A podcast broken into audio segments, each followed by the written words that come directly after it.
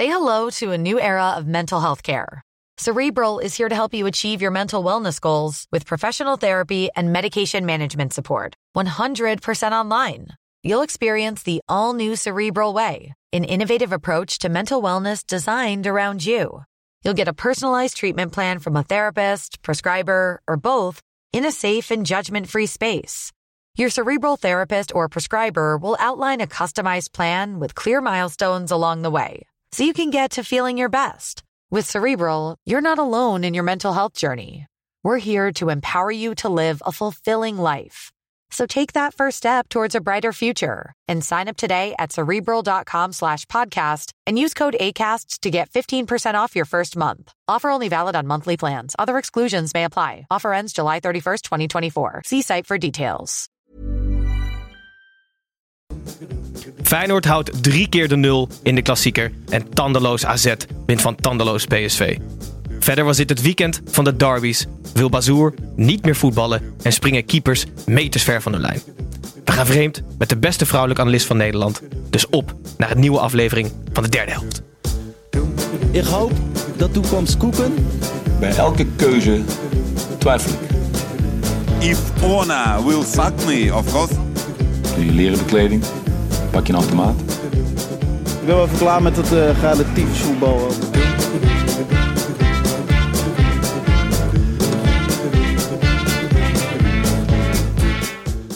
Hallo allemaal, Gijs hier. Ik ben langzaam op de weg terug naar een vreselijk zwaar weekend vorige week. Uh, maar ik mag weer minuten maken. En ehm, ik moet zeggen, normaal gesproken zijn we redelijk monogaam. Ik kijk vooral naar Tim. Maar vandaag hebben we de tweede vriendin van de show aan tafel in twee weken. Welkom, Leonne Stentler. Dankjewel. Um, volgens Freesia, vorige week gebombardeerd, geen druk, de beste vrouwelijke analist op de Nederlandse televisie. Ten eerste, ben je het hiermee eens? Jezus. Nou ja, er zijn er niet zoveel, hè? Dus dat, ik, dat was dan mijn volgende vraag. Ja. Ik kan er eigenlijk maar één voor de geest halen. En dat ben jij. Ja. Zijn, zijn er nog andere? Kennen we nog andere? Tim, weet jij nog... Uh... Lea Driessen of zo? nee, maar, wie, maar wie, wie zijn er nog meer vrouwelijke analisten? Ah, tijdens de voetbalzomer waren er een hoop, maar er is er gewoon maar eentje overgebleven. Ja, kijk, ja, als je naar vrouwenvoetbal gaat kijken, dan zijn er natuurlijk wel meer. Alleen nu lijkt ik de enige te zijn die het in het mannenvoetbal mag doen. Maar ben je dan nog wel gemotiveerd? Want jij bent dan de enige vrouw, hè? dus je bent een soort van, uh, ja, je hebt eigenlijk een alleenheerschappij. Ja, ik moet even uh, gewoon de afstand gaan bepalen. Er is geen uitdaging moet, nu voor jou. Er is heel veel uitdaging. Als je de eerste bent, is echt uh, veel uitdaging. Over de eerste keer gesproken. Um, kwamen, nee, nee, wij kwamen hier net de studio binnenlopen. En uh, ik weet niet of het schrik of enthousiasme was. Want je had onze gezichten nog nooit gezien. Nee. Maar je luistert regelmatig. Ja. Dus het is zeg maar een soort, uh, als, als, als wij als leken commentatoren voor het eerst zien in persoon. Dan denk je echt, holy shit, is dat het hoofd bij de stem? Dan is de vraag, valt het mee of valt het tegen? Ja, nou, ik vind ik moest vooral gewoon steeds denken, oké, okay, oké, okay, welke naam hoort nou bij welke stem? En nu heb ik het weer, zeg maar. Nu is het overzicht er. Maar uh, ja, het is wel gewoon heel grappig om er in één keer gezichten bij te zien. Ja, ik, ik schrik ook nog steeds als ik Snijboons over. Maakt niet uit die stem. Toch alleen als hij een kater heeft? Of heb ik het verkeerd begrepen? Nee, dat is nog erger. Ja. hey, um, vraag meteen van, uh, van een van de luisteraars, Niek van Vliet. Wil weten of je zelf voetbalt? Ja, ik uh, voetbal bij uh, de gasten van vorige week. Bij Freesia, samen in een vriendenteam bij Wart Burgia, dames 3. Is en, dat uh, niveau of is dat onderbond? Dat is tweede klasse, dus dat is echt voor de lol met veel biertjes na afloop. Want je hebt, maar je hebt wel ooit op serieus niveau gevoetbald, toch? Ja, zeker. Ja, ik heb bij Ajax gespeeld en ooit het Nederlands team nog gehaald. Dus ik, ik zou moeten kunnen voetballen en nu doe ik het gewoon lekker voor de lol. Gewoon lullen, beter. Ja. Ja. Want je bent, ben je Rotterdamse in hart en nieren? Ben je opgegroeid in Rotterdam? Ja, ik ben tot mijn 22e heb ik in Rotterdam gewoond. En toen uh, ging ik bij ADO Den Haag voetballen. En daarna ben ik op een gegeven moment richting Amsterdam gegaan. Daar studeerde ik.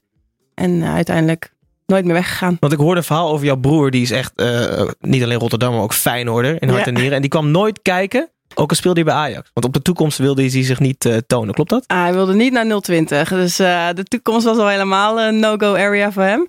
En ja, toen ik bij ADO speelde, kwam hij nog wel eens naar het stadion. Maar Ajax was echt een brug te ver voor hem. En voor jou was het niet lastig? Rotterdamse in dienst van Amsterdam? Nee, nee weet je, ik kon altijd het argument gooien dat Feyenoord nog geen vrouwenteam heeft. Dus ja, dan moet je wel, als je bij de mooiste club wil, wil spelen in de competitie, dan moet je naar Ajax. Maar ja, um, ja, mijn familie die was wel van, uh, hoe krijg je dat shirt over je hoofd? En, uh, Jij zo laten zien. Nou, zo.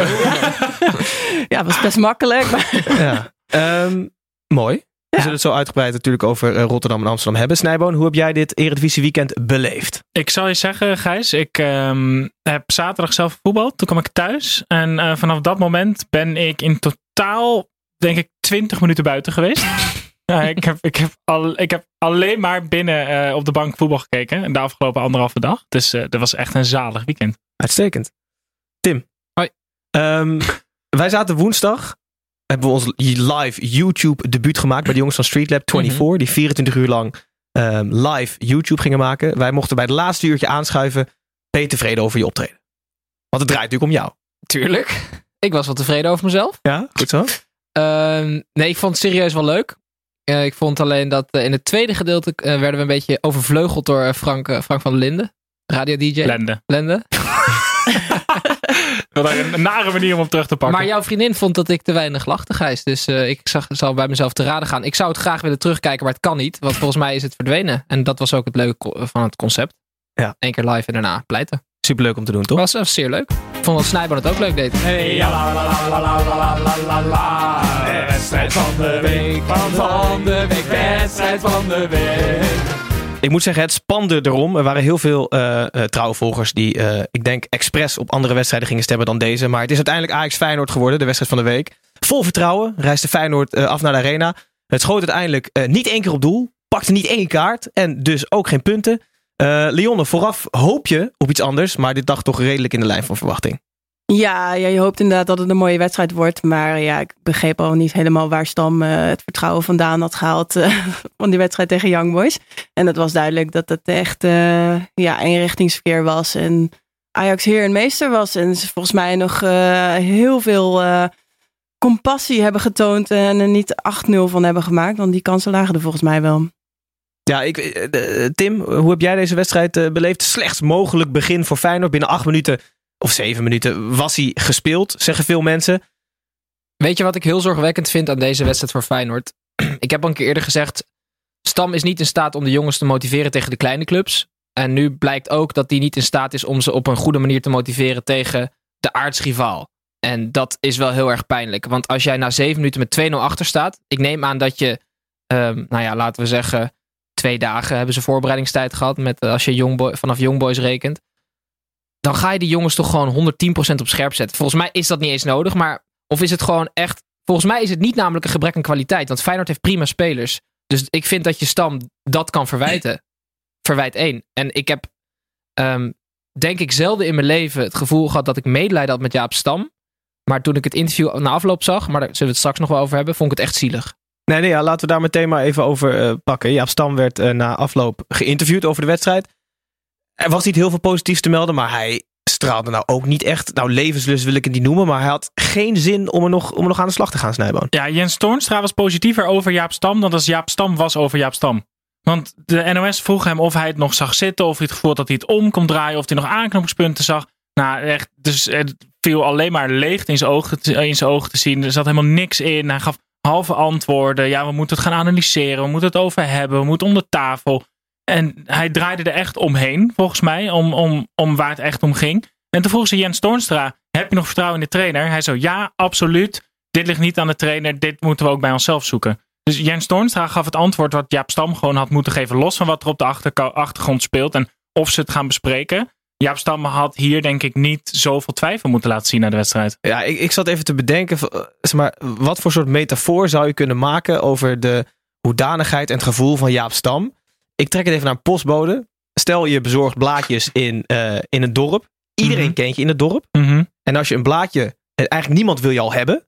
Want Feyenoord-fans wilden Jaap Stam in eerste instantie niet hebben. En als je dan ook nog een blaadje verkeerd bezorgt, dan valt het hele dorp over je heen. Dus je hebt elke dag dat je dat je rondje moet maken, zie je er zo verschrikkelijk tegenop. Ik denk echt dat Jaap dat gevoel heeft. Hij, hij, wordt, hij wordt ergens binnengelaten en bij voorbaat heb ik het gevoel, is dan verloren, verloren strijd. Hij wordt gewoon niet gewaardeerd door de fans, omdat hij geen Feyenoordman is. En de resultaten vallen nu ook nog eens tegen. Wat een verschrikkelijke week moet die man tegemoet gaan. Ja, het is misschien heel Nee, maar zwaar, het is maar het is wel zo. Afgelopen donderdag was het natuurlijk ook al. Dan, hij geeft ook gewoon echt rare antwoorden. Want afgelopen, eh, afgelopen donderdag ging hij zich dan heel erg verdedigen tegen het feit dat ze Senesi hadden gehaald. Dat was dan niet zijn aankoop en dat deden ze met z'n allen. En hij was zich soort van aan het verdedigen tegen iets waarvoor hij zich volgens mij helemaal niet hoefde te verdedigen. Namelijk dat Senesi tijd nodig heeft om te wennen. Puur onervarenheid van de trainer Snijboon. Ja, is dat het? Die vraag werd niet eens gesteld. Hè? Het was alsof Stam uh, vooraf van het interview al bedacht had van... Hier moeten we het even over gaan Ik hebben. moet even vertellen dat Senesi mijn aankoop niet is. En dat zou Ten Hag nooit hebben gedaan. Het was ook niet zijn aankoop, Senesi. Maar, nee, nee, maar je, je, begrijpt, je, begrijpt wat ik bedoel. Ja. Maar um, in de eerste instantie kreeg Stam het voordeel van de twijfel. Want er kwam iemand binnen. Hè? Uh, de, de rots van Kampen, Jaap Stam. Dat is hij niet, hè? Het is gewoon echt, het is gewoon verdrietig. Hij, hij, staat, hij, gaat ook, hij heeft ook niet het idee van: jongens, we gaan de schouders onderzetten, mouwen opstropen. Zo klonk in ieder geval niet. Hij klonk zeker niet zo. Dus het is echt uh, maar zeer triest. Ik begrijp ook niet helemaal hoe hij vandaag deze wedstrijd ingaat. Want als je tegen Ajax speelt, dat zo dynamisch met een, in ieder geval zijn voorste vier en ook nog van de Beek speelt. En dan je man gaat laten volgen. Volgens mij begrijp je het dan ook niet helemaal. Uh, ja, want even naar de opstelling van Feyenoord. Misschien om even daar te blijven. Berghuis stond op 10. We hebben hem daar nog niet heel vaak gezien. Ik dacht vooraf, ah, uh, weet je wel, twee snelle jongens op de flanken. Berghuis op 10 die ze kan voeden. Hmm. Tegen Ajax ontstaat er altijd wel ruimte om te spelen. En daar zou Berghuis eventueel in kunnen komen. Hoe, hoe zag jij de opstelling van Feyenoord? Nou ja, ik vond het ook wel hoopvol. En ik dacht, nou, leuk dat hij dit risico durft te nemen. En uh, hopelijk levert het hem inderdaad wat op. Uh, in ieder geval wat meer uh, creativiteit uh, achter Jurgensen. Het zou goed zijn als hij aanspeelpuntje met Berghuis eronder zou kunnen werken. Ja. Maar ja, als je dan zo gaat staan verdedigen, ja, dan heeft het helemaal niet eens zin om iemand op 10 te zetten. Want ja. dit was echt gewoon gatenka, zodat ze gewoon geen idee hadden wat ze aan het doen waren. Ik zag iedereen achterom kijken. Oké, okay, oké, okay, Promes loopt nu hier, Van de Beek loopt nu daar. Wat moet ik doen? En vervolgens ligt die bal achter Karsdorp en ja, is de eerste kans eigenlijk alweer uh, en dat opgezet. Is, dat is wel echt problematisch. Want je gaat mij niet vertellen, Haps, Botteguin, Senesi, Karsdorp, Ver, Toornstra. Dat zijn allemaal geen, geen lullige voetballers. Die kunnen allemaal echt wel wat. Die staan verdedigend ook echt allemaal wel hun mannetje. Ik heb Karsdorp sinds hij terug is nog niet zo slecht zien spelen als vandaag. Nee. Die was, volgens mij was hij gewoon debet aan drie tegengoals. Ja. Maar die vier achter, ik vond Haps overigens nog de beste bij Feyenoord. Puur omdat hij gewoon 90 minuten bleef gaan. In ieder geval inzet toonde en zijn duels heet het aanging. Dus die scoorde wat mij betreft als enige een voldoende bij Feyenoord. Maar je gaat mij niet vertellen dat die zes verdedigend ingestelde spelers zo slecht zijn als dat ze vandaag lieten zien. En als je dan bedenkt dat Jaap Stam, voormalig topverdediger, je coach is. Dat moet je dan wel toch echt ernstige zorgen baren. Ja, um, genoeg over Stam even als persoon. Laten we even terug naar wedstrijd gaan. Uh, ook Ajax deed mee. Uh, wat heet. De, de, bij rust stond het 4-0. De, de, eerste keer volgens mij dat ze in deze formatie echt speelden. Dus met Tadic in de spits, Neres, Sieg op 10 uh, en Promes op een flank en Van de Beek als een soort komende middenvelder. Is dit op dit moment de opstelling van Ajax, Leon? Voor de eredivisie, zeker? Um, nou, het was... Van aan de voorkant had ik niet verwacht dat dit de opstelling zou zijn. Het pakte heel goed uit. Uh, ik denk uiteindelijk wel wat we in de laatste tien minuten zagen. Dat Alvarez op centraal, uh, rechtscentraal komt te staan. Dat dat in de toekomst uh, ook meer gaat gebeuren. Um, en ik hoop eigenlijk dat Van de Beek uiteindelijk wel weer op de teampositie komt. Omdat ik het daar gewoon, daar vind ik hem veel beter dan nog uh, op de zespositie. En wie dan niet? Neres niet. Uh, ja, want dat is een duivels van, dilemma. Van de Beek op 10 betekent dat een van die, drie, een van die vier voorin ja, plaats dan, moet gaan maken. Nou, op dit moment, ik weet niet hoe jullie Tadic vandaag vonden. Ik wilde het al gaan vragen. Ik vond Jurgensen uh, beter spelen dan Tadic. Nou, dat vind ik zelfs knap. Ja, maar dat is, maar dat Tadic is nu al een paar wedstrijden op rij. Ja. Uh, was tegen Fortuna ook niet Klopt. heel goed. Ik vond hem tegen Chelsea ook niet overtuigend. Nee. En vandaag was hij echt veruit het slechtst van het veld. Ik denk dat Tadic ook het liefst op de flank speelt hoor. Kijk, vorig jaar was het interessant, omdat dan was het een soort uh, geheim wapen. Dus dan kon hij zich nog wel daarvoor motiveren. Maar hij heeft ook wel door. Wacht even, ik word in de punt gezet omdat ik als enige van die, van die jongens voorin daar kan spelen. En hij, is, uh, hij hoort natuurlijk bij die vier spelers die moet spelen. Dus uh, uh, Tadic, um, ja, nu dus Promes van de Beek of, of Neres van de Beek. Maar volgens mij vindt hij dat echt helemaal niet top hoor, in de spits. Maar hij heeft ook, want vorig jaar was hij fenomenaal. Was Mhm. hij echt, maar we kennen, Maar, Tadic voornamelijk allemaal, van we, flank, we hè? kennen Tadic allemaal als naam ook in de Champions League centraal. Hij was gewoon overal Ja. waar hij stond, was hij vorig jaar heel goed. Beter, denk ik, dan dat iemand verwacht had van Tadic. Was hij vorig jaar niet gewoon te goed? Is Tadic wel zo goed altijd als dat hij vorig jaar liet zien? Nou, het is een combinatie natuurlijk. Want hij kwam van Southampton. Een Mhm. club die tegen degradatie speelde. Hij voelde zich verschrikkelijk bevrijd bij Ajax. Hij kreeg in één keer veel meer ballen. En hij kreeg weer die schwung en, en het vertrouwen van wat hij bij, eh, bij ehm, Groningen en Twente eh, had. En nu gaan de verdedigers ook op hem instellen. En hij speelt de hele tijd op 9. Wat volgens mij een mindere positie voor hem is. En dat hij het ook minder leuk vindt. Ondanks dat jullie hem verschrikkelijk dramatisch vonden, gaf hij wel gewoon eh, twee assists. Dus ik nou, maar dat is het. De cijfers van Tadic verbloemen denk ik gedeeltelijk hoe die speelt. Want zijn cijfers zijn ook dit seizoen gewoon echt heel goed. Maar qua spel is het niet wat vorig jaar was. Ehm, de ruststand was de eindstand. Eh, Moeten we het nog over de tweede helft hebben? Briefje van Stam, wissel in de rust. Eh, redelijk logisch, Berghuis voor Tapia. Nou, ik vond het wel verrassend eigenlijk. Ik eh, vond Berghuis een van de betere ehm, in de eerste helft. En eh, ja, je kan zeggen, zet het iets verdedigender neer. Maar dan zou ik Berghuis op rechtsbuiten hebben gezet en Narsing eruit gehaald. Dus ik vond het wel een opmerkelijke wissel eigenlijk. Je haalt gewoon de enige speler eruit die echt, echt uit zichzelf wat kan creëren. Dat wel. Eh, Tim, als ik een jingle start, weet jij dan waar het over gaat? 100%. Feyenoord is achterin natuurlijk een beetje zoekende. en, eh, Start de band, hè? En, Feyenoord is achterin zoekende. Ze missen echt een persoonlijkheid, uitstraling. Ik mis ook iemand met een, eh, met een, met een knappe kop en een fysiek enorm sterk lichaam. En daarom was Sven van Beker ook niet bij. Want ehm, eh, die hebben ze dus naar Temptation Island gestuurd in Engeland. Eh, onder de naam Guido. Eh, en die is daar nu helemaal elke dag in de gym aan het zitten. Zichzelf aan het insmeren met olijfolie. Zodat hij met ontbloot bovenlijf terug kan keren in de kuip. En leiding kan geven aan de defensie. Dit is trouwens een suggestie van Michel Dodeman, onze vriend. Ehm, bedankt. En ook vriend van de show. Ook vriend van de show. Van de klassieker gaan we naar de topper. PSV AZ. Reuzendoder AZ ging met de borst vooruit naar Eindhoven. Verloor een paar tanden, maar won alweer van een traditionele top 3 ploeg. Ondanks het feit dat PSV haar drie beste spelers miste en een domme rode paard- kaart pakte, Snijboon, lijkt AZ helemaal over de top 3 angst heen. Uitstekende zaak voor de Eredivisie, toch? Voor AZ was dit denk ik het allerbeste wat ze kon gebeuren. Ehm, zeker omdat ze voor die rode kaart niet heel indrukwekkend speelden. Het was een beetje een slordige wedstrijd van beide kanten.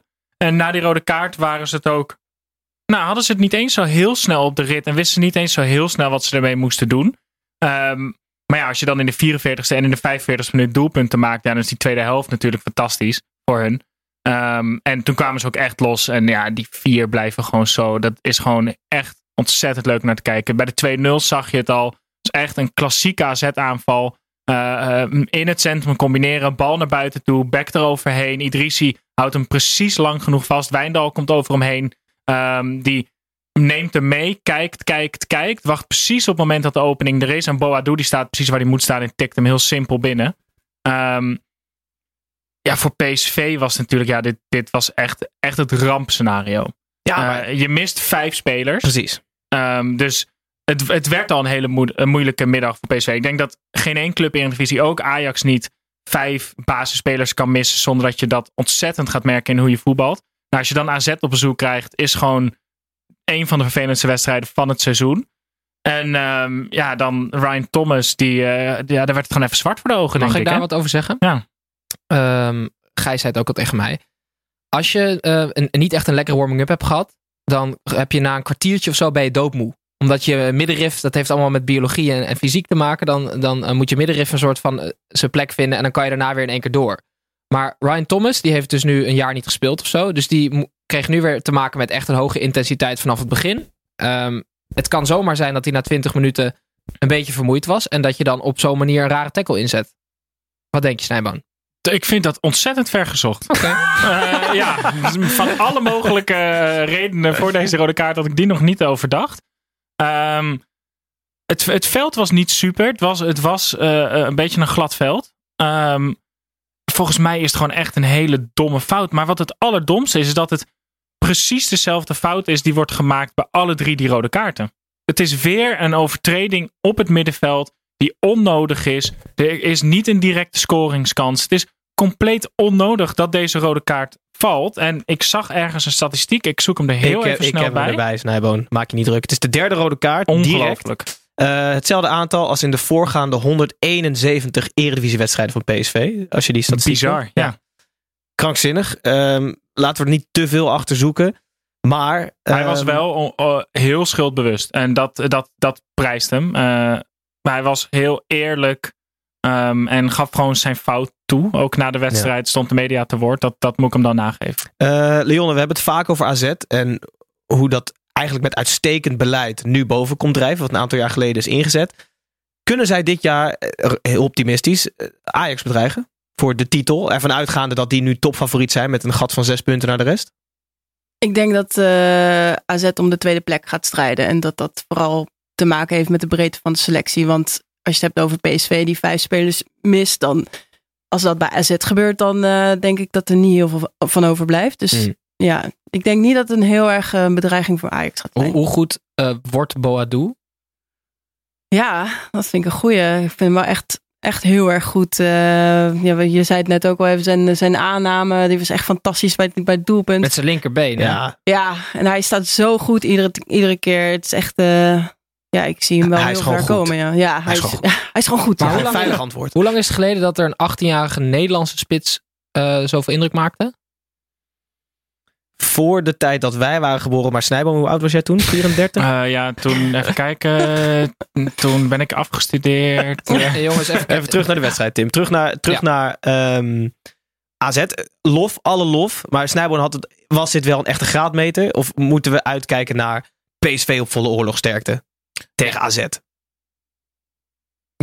Ik bedoel, PSV miste gewoon de drie beste spelers. Je bent gewoon gemankeerd. Ja. En alleen, het is wel zo dat AZ zorgt er dus wel voor dat, dat PSV in een soort ongemakkelijke positie komt waarbij het in één keer rode kaarten gaat pakken en zo. Snap je? Dus AZ heeft het wel afgedwongen, maar het is natuurlijk wel PSV light uiteindelijk. Nou ja, PSV moet zich vooral denk ik zorgen maken dat dit twee keer op rij gebeurt. Want dit is zo'n ding dat als dit één keer gebeurt, dan kan je zeggen, oh, oké, nou zo'n wedstrijd heb je ook seizoen. Maar als je het twee weken op rij doet, dan moet je je toch echt wel zorgen gaan maken. Ja, eh, gerelateerd hieraan. Drie keer op rij nu niet gescoord, inclusief eh, midweeks. Van Bommel kon na de wedstrijd eigenlijk alleen maar gedesillusioneerd voor zich uitkijken. Komt PSV hier makkelijk weer bovenop? Ik weet niet precies de aard van de blessures van, van eigenlijk de drie main cowboys. maar als dit lang het geval blijft, dan is het natuurlijk echt een serieus probleem. Want Ja. ik zie Kostas Mi- Mitroglou, hoe, hoe, hoe heerlijk kult ik hem ook vind, die nog een paar tanden van zijn, van zijn landgenoten eruit slaat. Hoe kult ik hem ook vind, ik zie hem, hem niet Het de verbaasde, leegte oplossen. het verbaasde mij dat hij geen basis stond vandaag. Ja, maar Eigenlijk. ja? ja, hoezo? Echt een optie B, toch? Ja, maar ja, dit, dit was toch wel de wedstrijd dat je optie B wel nodig had eigenlijk. Dus dat, die- dat, die- dat Gakpo eerder in de spits werd gezet dan Mitroglou, dat verbaast mij wel een beetje eigenlijk. Maar we roemen PSV altijd omdat ze zo'n ongelooflijk veel aanvallende opties hebben. En nu er een paar wegvallen, is het in één keer dan best wel dun. Dus is het dan alleen Nou, maar in principe als je kijkt als je beste drie voorin wegvallen en je kan nog steeds Bruma, Gakpo, Doan opstellen en Mitroglou op de bank. is niet slecht, toch? Het is niet slecht, maar het is wel eh, eh, beduidend minder. Het is beduidend minder, maar de, eigenlijk alle eredivisieclubs buiten de top drie zouden tekenen voor die voorhoede. Ja, ja, ja. ja maar dat, ik vind- ik vind dat logisch. Maar goed, Maar blijkbaar zijn ze dus niet zo goed dan. Ja, weet ik niet. Ja, vandaag, ik denk echt vandaag moet je echt niet naar kijken om aan, eh, PSV te analyseren op de lange termijn. Dat, dat is gewoon oneerlijk, want ze spelen gewoon 70 minuten met 10 man. Op de lange termijn maak ik me vooral zorgen om de linksbackpositie bij PSV. Ja, ja, dat is wel een dingetje. dingetje, ja. waar, waar AZ trouwens eh, uitstekend in de linksbed zit. En, en over de opstelling van AZ gesproken. Die lijken, eh, volgens mij speelden ze in, tegen Feyenoord in de Kuip in dezelfde formatie. Waar ze 0-3 wonnen. Met een eh, Sugawara als een soort eh, Ja. hangende rechtsbuiten. Die eigenlijk rechtsback is. En eh, De Wit als slachtoffer met Kelvin Stengs op 10. Dat is hun, eh, ja, hun grote opstelling, zeg maar. Waar Ajax vorig jaar de Champions League opstelling had. Heeft AZ nu Ja. de top 3 opstelling gevonden. Hun veilige opstelling. Ehm, liep als een trein. Toch? Jongens? Ah, lof voor AZ. ja zeker. Nee, die, die zijn gewoon heel goed bezig. Heel Eh, midweek zelfs 6-0 winnen in de Europa League. Los Ja. van wat de tegenstander is, is dat gewoon heel goed voor AZ. Ehm, ze hebben Feyenoord al eh, verslagen en dan nu eh, PSV. Dus eh, Arne Slot, die, die gaat echt heerlijk slapen vanavond. Hè? Hij had ook echt de eeuwige glimlach bij het interview. hè. Ja, Maakt mooi, niet uit hè? wat hem gevraagd werd. Hij bleef glimlachen. En een mooi, mooi om te zien. Een soort blij ei, letterlijk. letterlijk. Buitenspel. Leonne, je luistert regelmatig, maar je hebt geen buitenspel meegenomen, zei je. Maar je hebt wel Nee. wat anders voor ons. Ik heb een. eh, moet jij hem dan inzetten? Of, eh? Nou, nee, eh, hoeft niet. nee, we hebben niet ingezongen dat jij een weetje mee hebt. Oh ja, maar oh ja, oh ja. Heb je een weetje? Ik heb een weetje. Oh, wat leuk. Nou, ik dacht, ik moet wel iets met die klassieker. En ik kom natuurlijk wel eigenlijk uit vrouwenvoetbal. Dus ehm, ehm, misschien weten jullie het al. Maar Ik denk het niet. 23 november is de eerste mini-klassieker in het vrouwenvoetbal. Want dan spelen de belofte van Ajax tegen de belofte van Feyenoord op Varkenoord. De belofte Kijk vrouw belofte. Vrouwen, ja. En doen eh, Kelly en Gertruida dan mee bij, die, bij dat team? Ja, ik denk het wel, ja. Hoe oud zijn ze? Nee. Mogen daar supporters bij of niet? Ja, dat weet ik eigenlijk niet. Eh, ik weet niet of ze dat spannend gaan vinden of dat, dat er een, eh, een klassieker gaat zijn. Oh, het zou toch wel schande zijn als dat ook ontregeld wordt door, door supporterscharen die dat Ja. dan Dat Kuit en als- Heitinga daar ook gaan vechten met elkaar. Hey, maar Leon, jij hebt laatst het eh, eh, commentaar verzorgd bij Ja, PSV PSV. Ja, klopt. Ja. ja, dat was wel, wel eh, leuk om te doen eigenlijk. Maar, eh, Ben je een soort eerste- Sierte Vos, maar dan vrouwelijk? Ja, nee, helemaal niet. ik heb Maar- nog niet van dat soort Het was uitspraken. duo-commentaar, toch? Ja, het was met Mark van Rijswijk. En, eh ja, Wist je hoe ik, Mark eruit zag van tevoren? Ja, was, was het ja. schrikken Dat was geblazen? schrikken. Nee, Mark had ik al wel eens gezien gelukkig. Maar eh, dat, was, eh, ja, dat was hartstikke leuk om te doen. En eh, ook tof dat het voor het eerst een uh, eredivisiewedstrijd gewoon live werd uitgezonden. Best ook wel spannend om dat te doen eh, natuurlijk voor Fox. Sowieso gaat het echt hard nu met het vrouwenvoetbal, toch? Het gaat, ja, het In gaat, Engeland zie ik ook wel eens cijfers voorbij komen van hoe Ja. de stadions dan nu gevuld zijn. ja, dus bizar dat ze daar eh, Wembley volgens mij hadden uitverkocht eh, laatst. Voor de bekerfinale volgens mij of zo was dat. Ja, nee, en voor de Lionesses. andere- oh ja. Ja, daar- dus en daar zit dan gewoon, wat is dat, 80.000 man of zo? Engeland. Dat slaat helemaal ja. nergens op. Ja, ja. Nee, top. Leuk. 23 november zei je? Ja. Oké. Ik, ik denk niet dat we gaan kijken, maar wie, wie weet horen we er nog wat over. Tim? We gaan erheen. Ik heb denk, ik heb denk het, het wat de moment van het jaar. Maar je hoeft er niet in te starten, maar het hartstikke leuk. Het was namelijk, eh, eh, ja, jij kijkt wel eens Bundesliga 2 hè, Snijboon? Dus ik weet ook precies waar je het over hebt namelijk. Holstein Kien tegen VfL Bochum. Aanvaller van Bochum eh, wil op goal schieten. Schiet hem ver naast. Heb jij dit gezien of niet? Nee. Ehm, er is een wisselspeler van Holstein Kien aan het warmlopen. Achter de lijn. Ehm, en hij houdt de bal tegen. Maar de, ba- de bal was niet helemaal over de lijn. Maar in ieder geval, hij zou 100.000 procent uitgaan. Dus hij zet zijn voet daar neer om de bal even tegen te houden. En die scheidsrechter was daar niet van gediend. Dus ehm, die, eh, eh, die communiceert met de, met de VAR. Van, eh, kan je even kijken of die bal uit was? Ehm de bal bleek niet uit te zijn. Penalty. Nou, dat Nee, is, over, dat Ja. is dus wel de regel. Eh eh, las Oké, maar dan mag ik dan doorgaan. Wat is dat voor een krankzinnige regel? Ja, Marco van Basten zit aan tafel hier. Ja, maar serieus. Want weet je wat ook nog bestaat? Een indirecte vrije trap. Op het moment dat het niet echt een doelrijpe kans is. Op het moment dat iemand naast heeft geschoten. Snijboon. De bal is al uit. Of min gewoon een of meer. scheidsrechtersbal of zo. Hoe groot is de kans dat die de bal er nog in gaat dan? Maar je kan het ook niet helemaal uitsluiten. Ik ben wel, eh, overigens, ik ben ontzettend fan van de indirecte vrije trap in de 16. Ik vind dat echt, dat vind ik een van de grappigste dingen die er is altijd. Want je hebt dan 22 man in die 16, een muurtje dat wat door die hele goal staat. Ja. Ik mis eh, de indirecte vrije trap wel een beetje. Vind je dat echt zo grappig? Ik vind dat grappig, ja. Hm. Dat vind ik Dat mooi. zielig bestaan eh, van Snijboon. Wat heb je meegenomen, Snijboon? Zeg het eens, jongen. Ik wilde jullie even een geschiedenislesje geven en tevens het raarste wat ik deze week heb gezien. Ehm, we gaan terug naar de Tweede Wereldoorlog, eerst eventjes. Ehm, toen is ehm, eh, toen, eh, Benito Mussolini, de leider van Italië, toen die overleden is. Toen hebben ze zijn eh, lichaam ondersteboven eh, gehangen eh, in Milaan. En dat hebben menig dus toen helemaal echt kapot geslagen en, en geschopt. Mhm. En daar zijn foto's van. En dat zijn echt hele lugubere foto's. Deze week was ook Celtic tegen Lazio.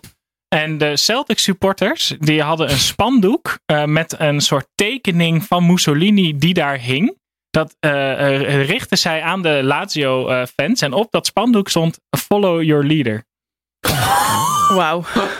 Maar dat had serieus misschien te maken met het feit dat die Lazio-fans à la Hitler marcheert door de binnenstad. Ja, en die zijn, dat zijn, de Lazio-fans zijn eh, ontzettend eh, Fascistisch. extre- fascistisch en extreemrechtse fans. Maar ik vond dit spandoek toch wel, ehm, wel wat ver gaan. Maar wacht eigenlijk. even. Tim, jij zegt dat ze in smiddags eh marcheerden door de stad.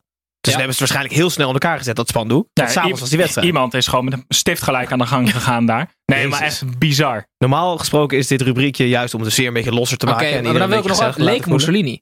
Eh, nou ja, ik herken het spandoek wel gelijk. dus, maar ik weet niet of jij het had herkend. Alright. Ehm, Oké. Terug naar hopelijk Nee, iets zulke dingen moeten ook gedeeld worden, Gijs. We kunnen niet alleen gelijk. maar... We zijn niet eh, een goed nieuwsshow. Nee, precies. Maar we gaan wel door met Dan een moet je goed even je boulevard kijken. Namelijk Vitesse ADO. Little Bow Wow. eh, wat de jongste doelpuntenmaker ooit voor ADO. En Immers schilderde hem werkelijk in de kruising. Binnen zes minuten stond het 0-2. Daar bleef het bij. Voor het eerst in zes, wed- zes wedstrijden drie punten voor Alvast Groenendijk. Tim, het was vanaf minuut één duidelijk. Vitesse miste Bazoer. Jezus, nee. Ik heb me zo verschrikkelijk opgewonden over Richard Bazour, jongen. Ik heb me afgevraagd ook wat hij voor, wat hij voor CITO-score zou hebben gehad. Maar dit is de allerdomste voetballer die ik in mijn bestaan ooit heb gezien. Een jongen met zoveel talent. Die meerdere keren is weggestuurd bij Ajax, bij Wolfsburg, bij Porto en nu bij Vitesse. Ook bij Utrecht nog weer lastig. Die jongen is zo verschrikkelijk lastig en dom. Ga gewoon lekker voetballen. Hij heeft tegen Sloetski gezegd: I don't want to play for your fucking team. Die jongen, dat heeft hij gedaan. Nadat hij vorige week met links een keer een balletje in de hoek schoot. Chapeau, eh Richard Lee. Ik kan er zo verschrikkelijk boos om worden. Dus die jongen die moet gewoon lekker bij de amateurs gaan. Niemand moet die jongen meer willen. Echt drama. Ehm, de wedstrijd. Mag, Ik mag, ik, eh, mag ik één ding dan vragen? Want ik las Ja. een interview met Leonne waarin jij zei dat je best wel een zeikertje was vroeger. Mhm. Wa- was jij een beetje een type Bassoer? Lastig, lastig in de groep of niet? Nee, dat niet. Ik was gewoon vooral aan het zeiken. eh, vragen aan de trainer waarom ik niet in de basis stond. En terwijl ik daar eigenlijk nog helemaal niet aan toe was. En dat vond ik dan zelf wel. Dus was ik wel een beetje dwars, maar niet expressief dwars. Maar je komt zo lief over. Ja, ik ben eh, volwassen geworden. Maar hoe zie jij, hoe zie jij dat met Bazoer dan? Ja, die jongen is Zoveel echt gewoon talent. eh, destructief. Joh. Dan wil je gewoon geen topsporter zijn volgens mij. En als jij, ik, misschien is hij ook gewoon niet geschikt om teamsport te doen. Misschien lekker gaan judo of iets, zo, of iets dergelijks. Maar eh, ja, zo werkt het natuurlijk niet. En ik hoop dat hij daar op tijd achter komt. Want als je 22 jaar bent en zo talentvol bent. Ja, volgens mij laat je het dan volledig liggen als je je zo gedraagt. Pas 22 inderdaad. Hè? Dat Ja. is bizar. Hij kan hier nog makkelijk bovenop komen. Want als je hem ziet voetballen is hij nog steeds ontzettend goed. Ja, Ja, ja. precies. Maar hij is net zo goed als toen hij 17 was. Dat is het verschrikkelijke. Misschien wel minder goed, maar hij was Misschien toen ontzettend goed. Ehm, wie ook ontzettend goed is op zijn zeventiende. eh Crescencio Somerville. Heeft Feyenoord dan goud in handen? Wat een goede vraag, Gijs. Nee, jongen. Alsof het afgesproken is. Ehm, het is mooi, want, want eh. Feyenoord heeft problemen met de, met de doorstroming van de jeugd. Mede omdat ze natuurlijk eh, geen, eh, eh, in de voetbalpyramide niet zijn opgenomen. Dus er zit niemand in jong Feyenoord. Summerville, toen hij met een pistool zwaaide, is vorig jaar weggestuurd. Die is Dat was zijn toen, eh, broer. Oh, dat was zijn broer. Die is eh, toen naar Dordrecht gestuurd op een soort strafkamp. Snijber, dat noemde jij vorig jaar al. Hij heeft daar eh, toen 18 wedstrijden gespeeld en 5 doelpunten gemaakt. Eh, dit jaar in de eredivisie, hij trekt het gewoon door. Dus dit is eigenlijk een van de weinige talenten met speeltijd op eh, volwassen niveau. En je ziet het, hij is pas 17 en eh, hij is nu al beter dan Narsing, denk ik. Dus dat is leuk voor Feyenoord. Uitstekend. En een compliment aan ADO. Heerlijk. Superbelangrijke puntjes voor ze. Volgens mij vijf keer op rij verloren. Nou, dit had je niet verwacht. Hè? Vitesse volgens mij afgelopen vier wedstrijden gewonnen. En ADO de afgelopen vijf wedstrijden verloren. En dan winnen ze 0-2 in Gelderdoom. Welk de Eredivisie? Uitstekend. Ehm, door naar een andere ploeg die veel aan het winnen is. FC Utrecht was ehm, op Spangen, zoals het zo mooi heet. Ik, ik was eh, zenuwachtig. Eh, Tim Koremans, eerste wedstrijd eh, schorsing van vier. Ongelooflijk raar hij geschorst is trouwens. Ik begrijp er helemaal niks van. Maar ik dacht, ja, die, onze Israëlisch international Harouche. Moet ik daar bang van zijn? Gelukkig, nee. Ja, hoezo nee? Gewoon Dit is meteen, waar? Ja. meteen een penalty veroorzaakt. Ja, nou ja, die, die arme man. Die krijgt drie penalties tegen in één wedstrijd. Waarvan hij er eentje pakt en dan wordt hij teruggefloten omdat hij per ongeluk van zijn lijn afstapt. Wel een paar meter, maar dat, hij was niet de enige dit weekend. Je miste Brian Smeets ook nog. Ja, ja. Eh, Utrecht had het zwaar met eh, Sparta. Ehm, maar uiteindelijk wel een degelijke overwinning. Eh, ik denk dat veel teams opzien tegen Sparta uit. Dit Want dit jaar. was de eerste, de, het tweede ploeg dat trouwens won bij Sparta. De eerste Ja. was Ajax. En het was wel de eerste keeper van het weekend die inderdaad een soort hinkstapsprong maakte voor de penalty. Dan wordt het overgenomen, vind ik prima, maar dan ook nog geel. Maar kom aan even, wat is dat nou voor een ridicule regel?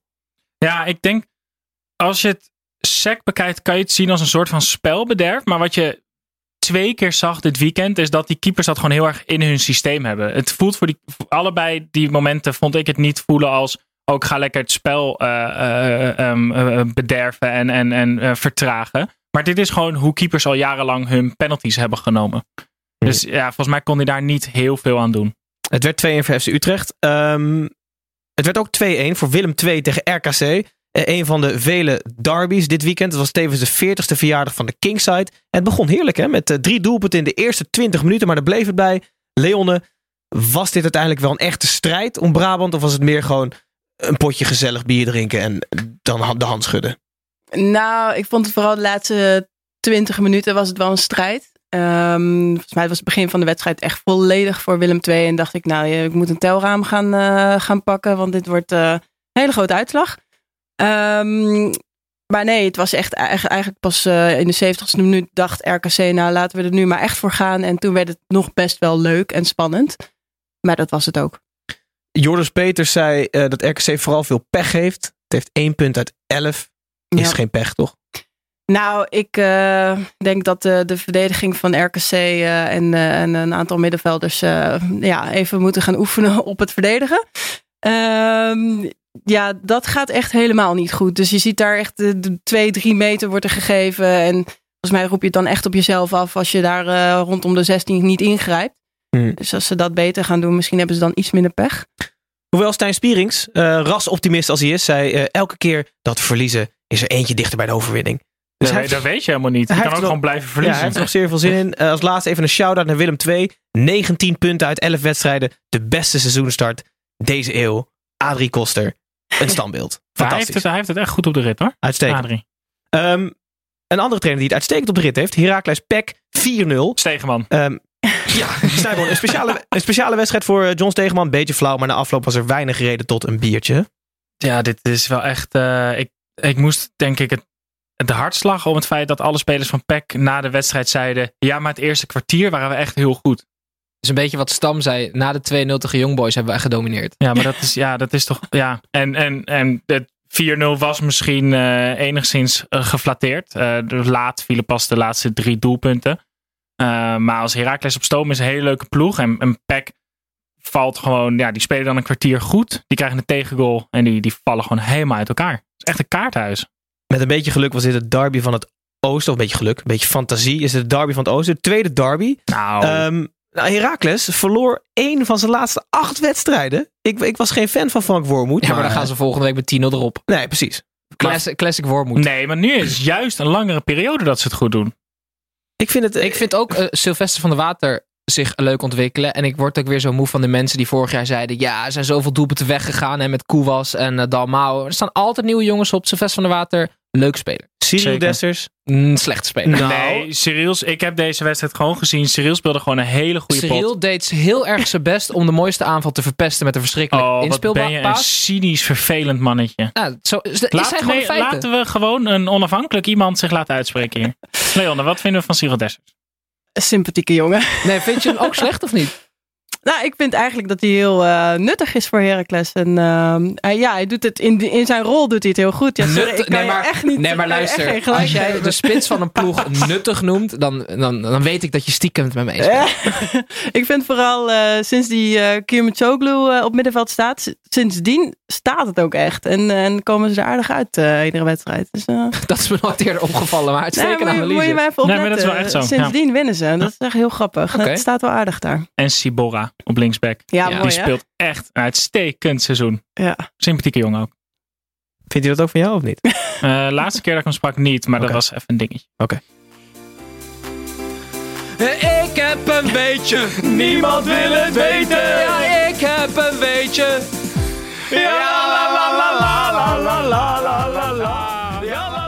De grote vraag, Tim. Ga jij het weetje van Leon overtreffen? ik denk het niet. En die van Tom van vorige week. Hi Freesia. nee, ik, ik, eh, ja, nee, ik heb een ander weetje. Hij is zeker niet leuker dan die van, eh, die van Leon. Maar ik ga mijn best doen. Ehm, het gaat over Joel Drommel. Die tot zijn veertiende middenvelder was bij Almere City. Toen was de keeper geblesseerd. En toen ging hij voor het eerst keepen. Nou, dat beviel hem aardig. Toen is hij naar IJsselmeervogels gegaan. Omdat hij meer speeltijd wilde. En toen heeft hij op een gegeven moment... deed hij mee aan Nike eh The Chance. Ja, Gijs, wat is dat? Dat was een, eh, kans om voor eh, amateurvoetballers zich te bewijzen in een Nike Academy. Dat was Mhm. selecties over heel Europa. En de beste spelers werden een jaar lang getraind. ehm, volgens mij in het, ehm, moet ik het even goed zeggen, het nationale trainingscomplex van Engeland. Van de FV. Ja, Ja. van de FV. klopt. Werden ze daar een jaar bij elkaar gebracht en getraind.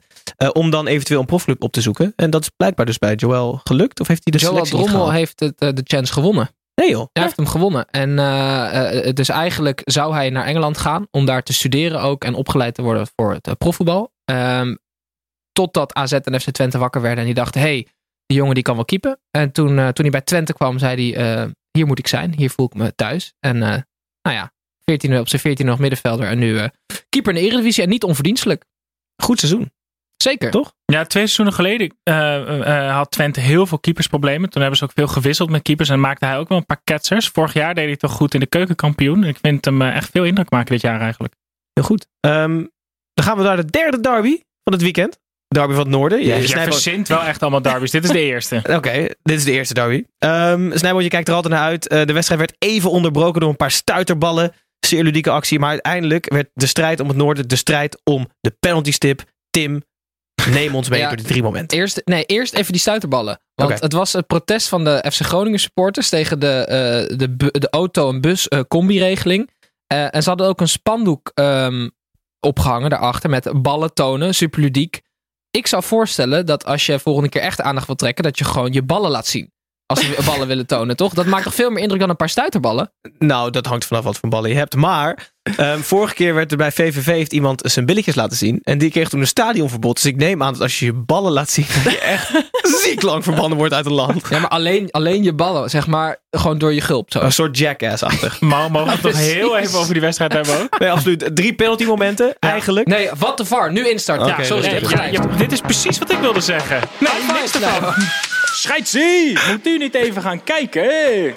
Wat een VAR! Over welk van de drie momenten gaat dit? Tim. Er zijn er twee namelijk. Ik, volgens mij twee wat de VAR. De snijboon, eh Zeefuik, Ja, die maakt ja, hens Ik ben echt... vlak voor rust. Omdat hij geduwd werd door eh Ejuke. Ehm, en Joey Coy, eh, de scheidsrechter van 14, die, zat, die durfde de beslissing niet te nemen. Dus die zei tegen de scheidsrechter, kan je alsjeblieft even gaan kijken, want ik durf het niet. En die scheidsrechter, ja, ik weet niet wat er met die Maar gozer... ik ben het helemaal eens hierin. Sorry, ik ga gewoon even maar. eh, onderbreken. Maar. Eh, eh, Danny Buis had helemaal gelijk. Als je namelijk als scheids het niet zeker weet, de VAR gaat kijken, je wordt naar dat scherm toegeroepen. Dan kan je bijna geen kant meer op. Want dan moet je namelijk de VAR, die met 48 LCD-schermen in die camper zit, die moet je dan gaan overrulen. Dat ga je niet doen op basis van dat ene scherm in die catacombe. Dus ga je hem dan geven. Ben ik helemaal met Danny Buis één, eens.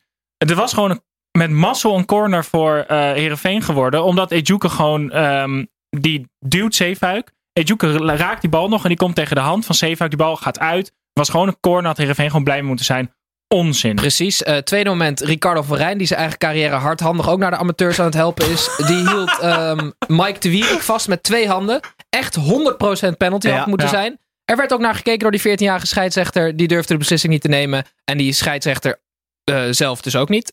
Verschrikkelijk. Echt verschrikkelijk. Groningen is genaaid. Mag ik dan, want eh eh Tewierik zei na de wedstrijd, zei hij, ja, ik zei ook, scheids, ik ga toch niet zomaar liggen. Daar moet ik Tewierik dan wel weer ongelijk geven, want die gaat wel echt heel vaak voor niets liggen in de 16. Ehm, goed, ondanks eh, Tim's woede en een aantal scheidsrechtelijke dwalingen bleef deze eerste derby, voor mij derde voor Snijboon eerste, steken op 1-1. Teleurstellend was het. Ehm, dat brengt mij in eh, de volgende derby, Snijboon. Eh, FC Twente. Nee, ga ik. Nee, FC Twente tegen FC Emmen. Leon, toch wel de strijd om het oosten. Laten we dan geen derby noemen. Je hebt er vrijdagavond heb je het er uitvoerig over gehad bij onze vrienden van de NOS. Ehm, even kort, wat was het verhaal van deze wedstrijd? Eerste 20 minuten voor Emmen en daarna Twente zeer effectief met hun kansen. Nou ja, het zijn niet eens echt kansen te noemen, maar de bal lag erin en toen werd het eigenlijk een relatief makkelijke wedstrijd voor Twente.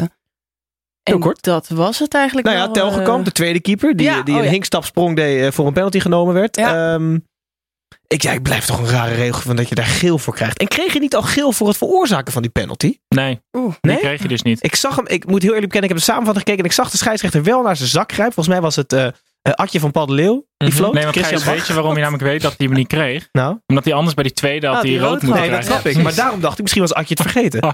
En eh, het tweede dingetje, bij FC Twente rommelt het een heel klein beetje. Willen we stoken? Eh, Wout Brama zat op de bank. Ja, ik En- vind het eh, belachelijk dat hij niet eh, te woord, eh, de, de, de pers te woord mocht staan. Dan, dan geef je eigenlijk alleen maar toe dat het daar dus wel knettert. Schenk zei Maar dat wat is de situatie met Brahma dan? Laten we gissen.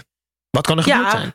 Ja, laten we gissen. Ja, ik eh neem aan dat hij... eh, Nee, Bra. Brama moet daar rechts eh, hangend op het middenveld spelen. Dat kan Wout Brama gewoon niet. Want die moet gewoon op zes spelen. Mm. Anders kan Brama gewoon niet in je elftal. Nou, die was daar vorige week eh, best wel eerlijk over. Die werd ook gewisseld. En ehm, Ja, gast, ik dacht je gaat iets leuks, iets beetje, beetje stoken. Nu ga je gewoon helemaal tactisch uitleggen. wat ik wilde zeggen, ik. Nee, namelijk zeggen dat hij met de vrouw van Garcia gedaan had. Maar Garcia is veel knapper, dus het zou nooit kunnen dat die vrouw Brahma kiest. nee, maar als er iemand bij Twente lekt naar de plaatselijke journaien om, om daar gewoon dingen kapot te maken, dan is dat nu natuurlijk Wout Brama. Dat is zeker waar. En hij praat ook wel dat dialect. Dus dat Ja, zou en Schenk had het al over de journalistjes die aan het stoken waren. ja. Oké. Mm. Zie je Gijs? Ik Leuke kom er wel. Brama lekt. Goed, ehm, de laatste wedstrijd. Dat, Dat kan op heel veel zonder manieren een geïnterpreteerd worden Eerst was het spettert of Ja. knettert en nu is het lekt. Hij knettert en lekt. We gaan, eh, door een naar de laatste, elke ochtend. we, gaan, we gaan door naar de laatste wedstrijd van het weekend. Eh, de 28e derby. De derby van Limburg, Snijboon. Ondanks dat er drie kwartier tussen ligt. Tussen de twee steden. Fortuna VVV. Het werd 4-1.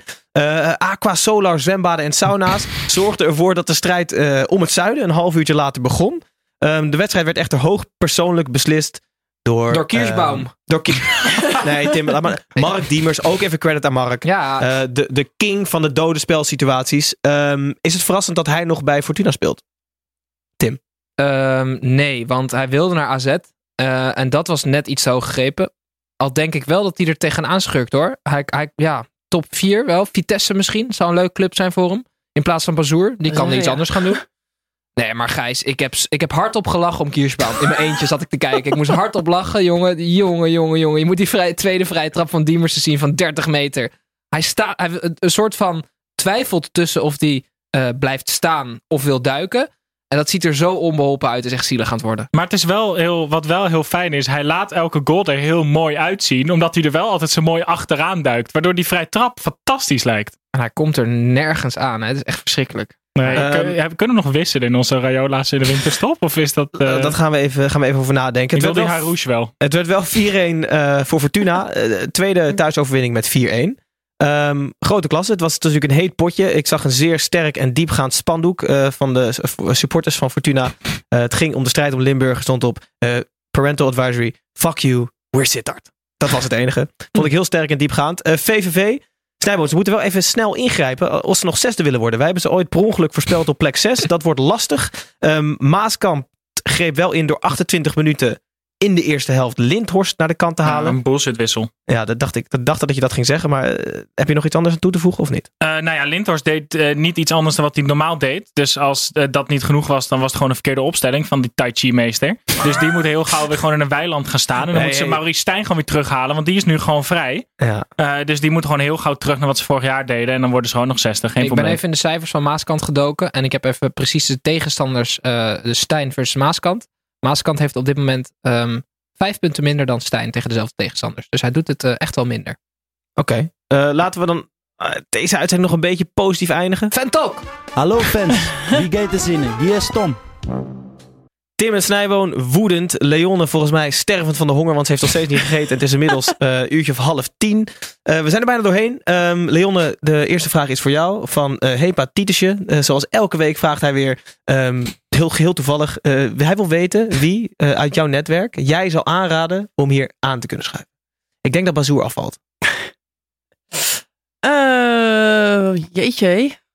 Elshoff? Heb ik net in mijn dilemma gezegd. is wel Dus goed een van de de sfeer, Jeroens. Een van de Jeroens. Eén van de Jeroens, ja. Dan Ja. kunnen jullie nog kiezen. Van de er boom. heel veel hoor. Ja. Jeroen Ehm, moet en we komen. Jeroen. Een Jeroen. Gewoon Jeroen. Jeroen. Jeroen Holtrop misschien nog een keer, Tim.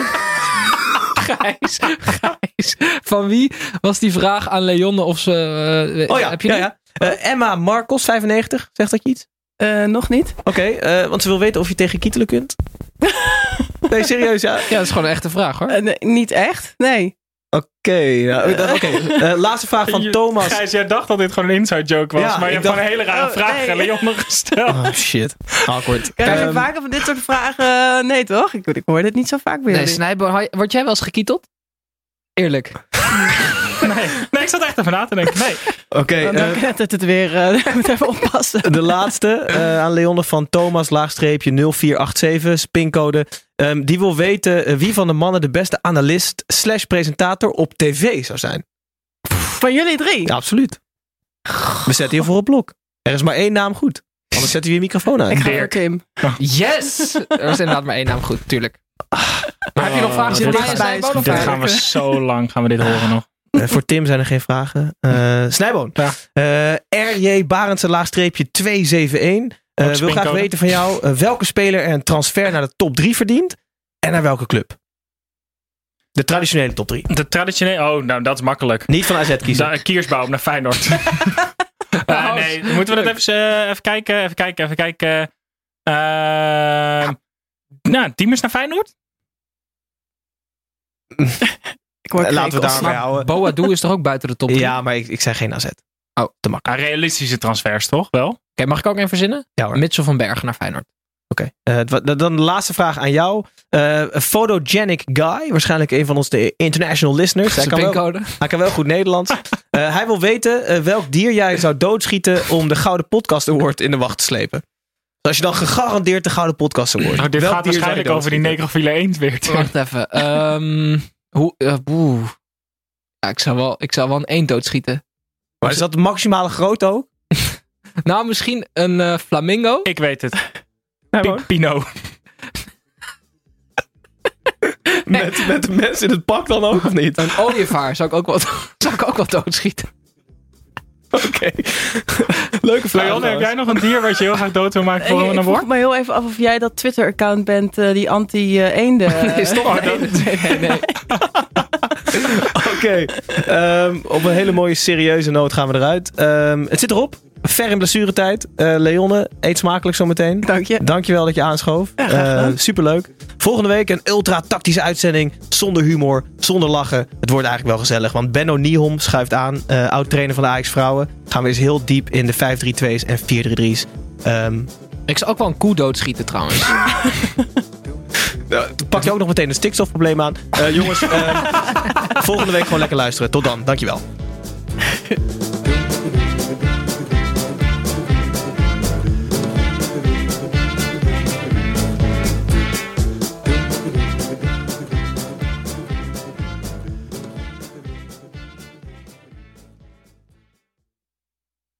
We made USAA insurance for veterans like James. When he found out how much USAA was helping members save, he said, It's time to switch. We'll help you find the right coverage at the right price. USAA. What you're made of, we're made for. Restrictions apply.